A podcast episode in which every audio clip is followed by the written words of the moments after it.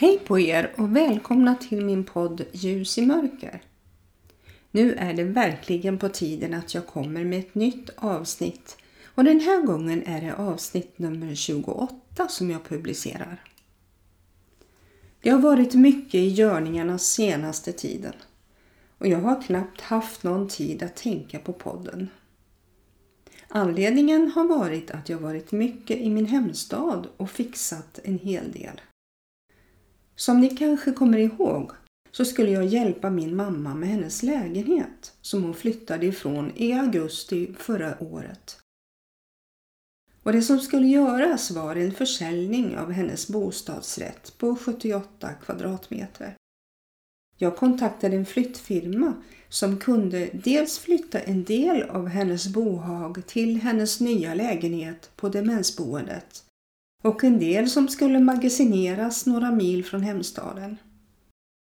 Sen skänkte vi en del till second hand och resten blev slängt på återvinningen. Veckan innan flyttfirman kom och skulle hämta så var det en hel massa som skulle packas. Du vet kanske som har föräldrar som kommit till åren eller far eller morföräldrar att när man blir så pass gammal som min mamma är, 94 år, så har man sparat på sig en hel del grejer. Framförallt prydnadssaker och udda glas och så vidare. Nu har jag ju sett till att det dyrbaraste av porslin och glas samt prydnadssaker har blivit magasinerat. Men det som gick till second hand, det känns ju fantastiskt att man kan återanvända det som finns så det kan glädja andra med det som man inte kan spara på grund av platsbrist och så vidare. Efter att flyttfirman varit och hämtat så var det dags för städning av lägenheten och förråden i källaren. Allt gick förvånansvärt bra med hjälp av min syster och systerdotter. När jag kom hem var jag helt slut och kände av det i flera dagar efter. Det var bara vila som gällde. Men nu är jag äntligen på banan igen och fungerar normalt. Hoppas du har haft det bra de senaste veckorna. Jag har inte varit inne så mycket på Facebook av förklarliga skäl. Så jag har inte så bra koll hur det är med mina vänner där, utom de allra närmaste förstås.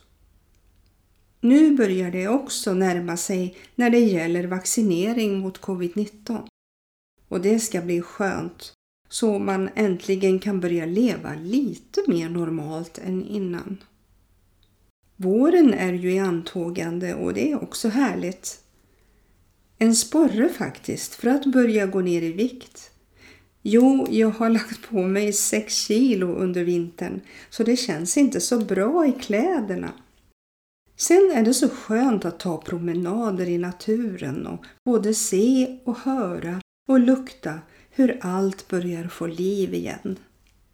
Förresten såg jag en liten tussilago häromdagen. Så det finns hopp om en vår även i år. Idag ska jag tala om frälsning och helande. Det ligger mig varmast om hjärtat.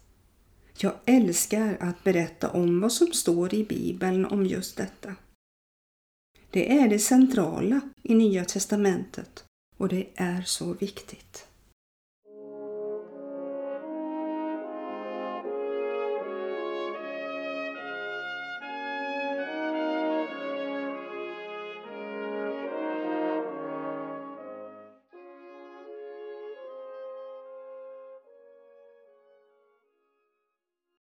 Jesu blod har gjort mig ren.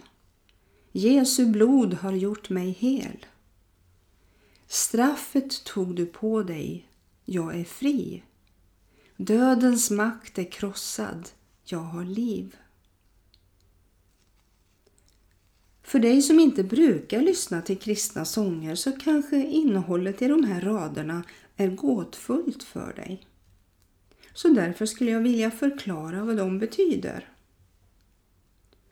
Någon har sagt att om du talar med någon om tro på Gud så kan de säkert komma med argument mot tron.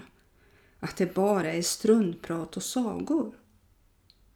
Vem skulle kunna påstå att Gud har skapat världen och att allt som finns här på jorden, inklusive dig och mig.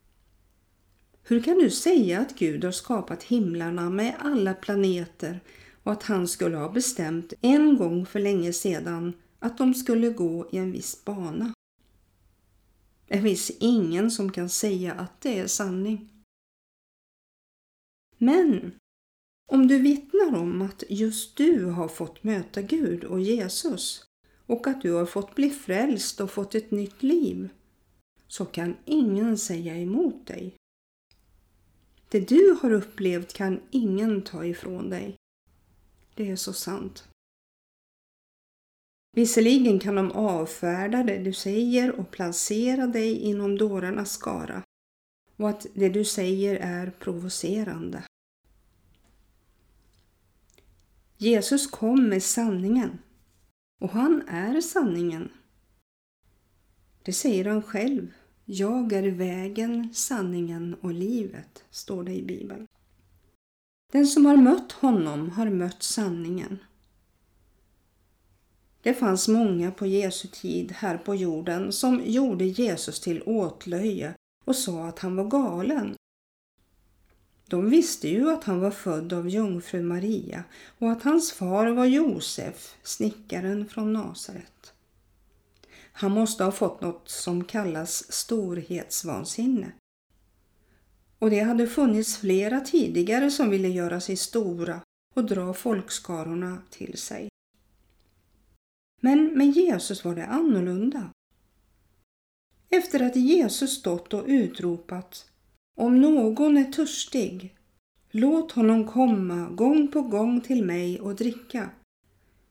Den som tror på mig, från hans innersta ska det som skriften eller bibeln säger ständigt forsa fram strömmar av levande vatten. Detta sa han om anden som de som trodde på honom skulle få ta emot. Och detta ropade han ut på lövhyddohögtidens största dag.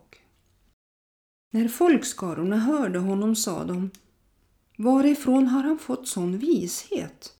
Ingen talar som han. Detta är verkligen profeten. Andra sa Detta är den smorde, Messias. Medan andra sa Nej, inte kan väl den smorde komma från Galileen. Säger inte skriften att den smorde, Herrens utvalde, ska komma från Davids ett och från Betlehem, den stad där David bodde? På grund av honom uppstod oenighet bland folket. Några ville fängsla honom, men ingen rörde honom. Och i Johannes evangelium kapitel 7, verserna 46-48 står det till exempel så här. Tempelvakterna erkände, aldrig har en människa talat som han. Fariseerna svarade dem, har ni också blivit vilseledda?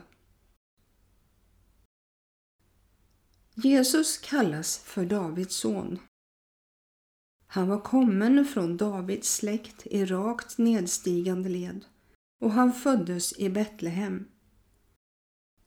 Josef och den höggravida Maria fick resa till Betlehem för att låta skattskriva sig. Och när de var där var det dags för henne att föda. Hon födde Jesus. Och då var det några herdar ute på marken som vaktade fåren. Då uppenbarade sig en ängel för dem och Herrens härlighet strålade runt dem. De blev naturligtvis mycket rädda, men ängeln sa Var inte rädda. Jag har goda nyheter om en stor glädje som ska komma till alla människor. Idag har en frälsare och en frälsare är en som räddar, befriar bevarar och helar. Idag har en frälsare blivit född åt er i Davids stad. Han är den smorde, Messias, Kristus, Herren.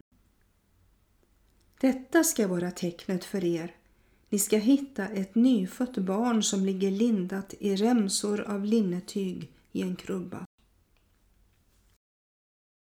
Plötsligt var det en stor armé av himmelska stridsänglar där tillsammans med ängeln och de prisade Gud och sa Ära till Gud i det högsta och frid bland människor på jorden som han älskar. Du vet säkert fortsättningen.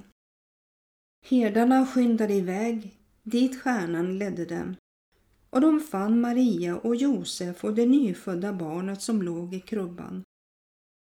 De berättade vad som hade sagts dem av ängeln om detta barn och Maria gömde detta i sitt hjärta. Hon hade för nio månader sedan fått besök av ängeln Gabriel som berättade att hon skulle bli havande och föda en son som hon skulle ge namnet Jesus. Ängeln sa också, han ska bli stor, mäktig och viktig och kallas den Högstes son. Han ska regera som konung över Jakobs hus i evig tid. Det ska aldrig bli något slut på hans kungarike. Då sa Maria till ängeln, hur ska detta hända eftersom jag inte känt eller haft en sexuell relation med någon man? Ängeln svarade och sa till henne, den helige Ande ska komma över dig och den Högstes kraft ska överskugga dig. Därför ska det heliga, det avskilda, speciella barnet kallas Guds son. Se din släkting Elisabet väntar barn trots sin höga ålder. Hon som man har kallat den barnlösa är nu gravid i sjätte månaden. För tillsammans med Gud är inget omöjligt. Då sa Maria, se, jag är Herrens tjänarinna. Låt detta hända mig enligt dina ord. Sedan lämnade ängeln henne. Nu var hon alltså säker på att det var Jesus, Guds son, som hon fött och som skulle frälsa världen. Men vad hon inte visste då var att Jesus skulle ge sitt liv på korset på grund av den synd som skilde människan från Gud. Nu till Jesu verksamhet. Jesus fick möta många människor som ville ha ett vidrörande av honom. Framförallt var det sjuka människor som sökte sig till honom för att få bli helade och friska. Sjukdomen spetälska, eller lepra som det heter, var väldigt vanlig och den var så grym. Det är en kronisk bakteriell infektion som drabbar bland annat huden då stora delar blir helt eller delvis deformerade. Förr trodde man att lepra var smittsam och obotlig och de drabbade isolerades därför i spetälskekolonier. Det har senare visat sig att sjukdomen relativt enkelt kan botas genom en långvarig antibiotikakur. Men antibiotika upptäcktes i början av 1900-talet så innan dess kände man inte till någon bot. Bibeln omnämner spetälska flera gånger men det är tveksamt om det är samma sjukdom som avses. En variant har ett visst släktskap med bakterien som orsakar tuberkulos. Och den smittan sker genom inandning av bakterier utsöndrade av redan smittade personer. På flera ställen i Bibeln står det talas om personer med lepra som blir botade av Jesus. En av dessa, en man, kastade sig ner på ansiktet och bönföll Jesus och sa Herre, vill du så kan du göra mig ren. Det har i långa tider ifrågasatts om Jesus verkligen vill bota sjuka. Även om han botar en del, så varför blir inte alla botade? En sak är säker. Han vill göra det. Sen kan det finnas anledningar till att helande inte äger rum. Jesus sa nämligen till mannen som var spetälsk. Jag vill bli ren. Genast försvann spetälskan. Den som hade spetälska ansågs som oren bland folken på Jesu tid. Antagligen för att den uppfattades som mycket smittsam. Och det fanns säkert en åsikt om att den som var spetälsk eller blind och så vidare hade fått sjukdomen på grund av synd.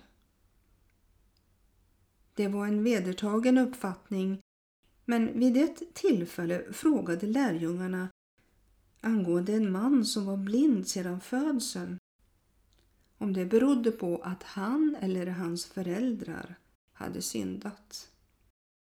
Och då svarade Jesus att det är varken han eller föräldrarna som har syndat utan det här skedde för att Guds härlighet skulle uppenbaras på honom. Alltså Guds härlighet skulle uppenbaras när han blev helad. Det var inte bara sjukdomar som folket ville ha helande för. Det fanns också de som var besatta av demoner som Jesus befriade. Jesus kom för att frälsa människor från deras synder. Och det var det som var huvudanledningen till att han kom till vår jord. Det grekiska huvudordet för frälsning i Nya testamentet kommer av verbet soso. Betydelsen av roten i detta ord är frisk, hel. I nytestamentlig grekiska får ordet betydelsen bevara eller rädda tillbaka till skapelsens intakta, friska och fullkomliga tillstånd. Den dominerande betydelsen är frälsning från synd. Även om en rent fysisk materiell betydelse finns på flera ställen i Bibeln. Gud återupprättar alltså sitt skaparverk i oss genom frälsningen. Han helar oss från syndafallets destruktiva verkningar och återför paradistillståndet med dess harmoni, helhet, hälsa och så vidare. Om detta kan vi läsa i Jesaja 11, verserna 4-9. Så här står det. Jesus skall ha sin glädje i sin faders fruktan. Han skall inte döma efter vad ögonen ser eller utöva lag efter vad öronen hör, utan med rättfärdighet skall han döma de fattiga. Med rättvisa skaffa rätt åt de ödmjuka på jorden. Han skall slå jorden med sin muns stav, med sina läppars andedräkt döda de ogudaktiga. Rättfärdighet skall vara bältet runt hans midja, trofasthet bältet om hans höfter.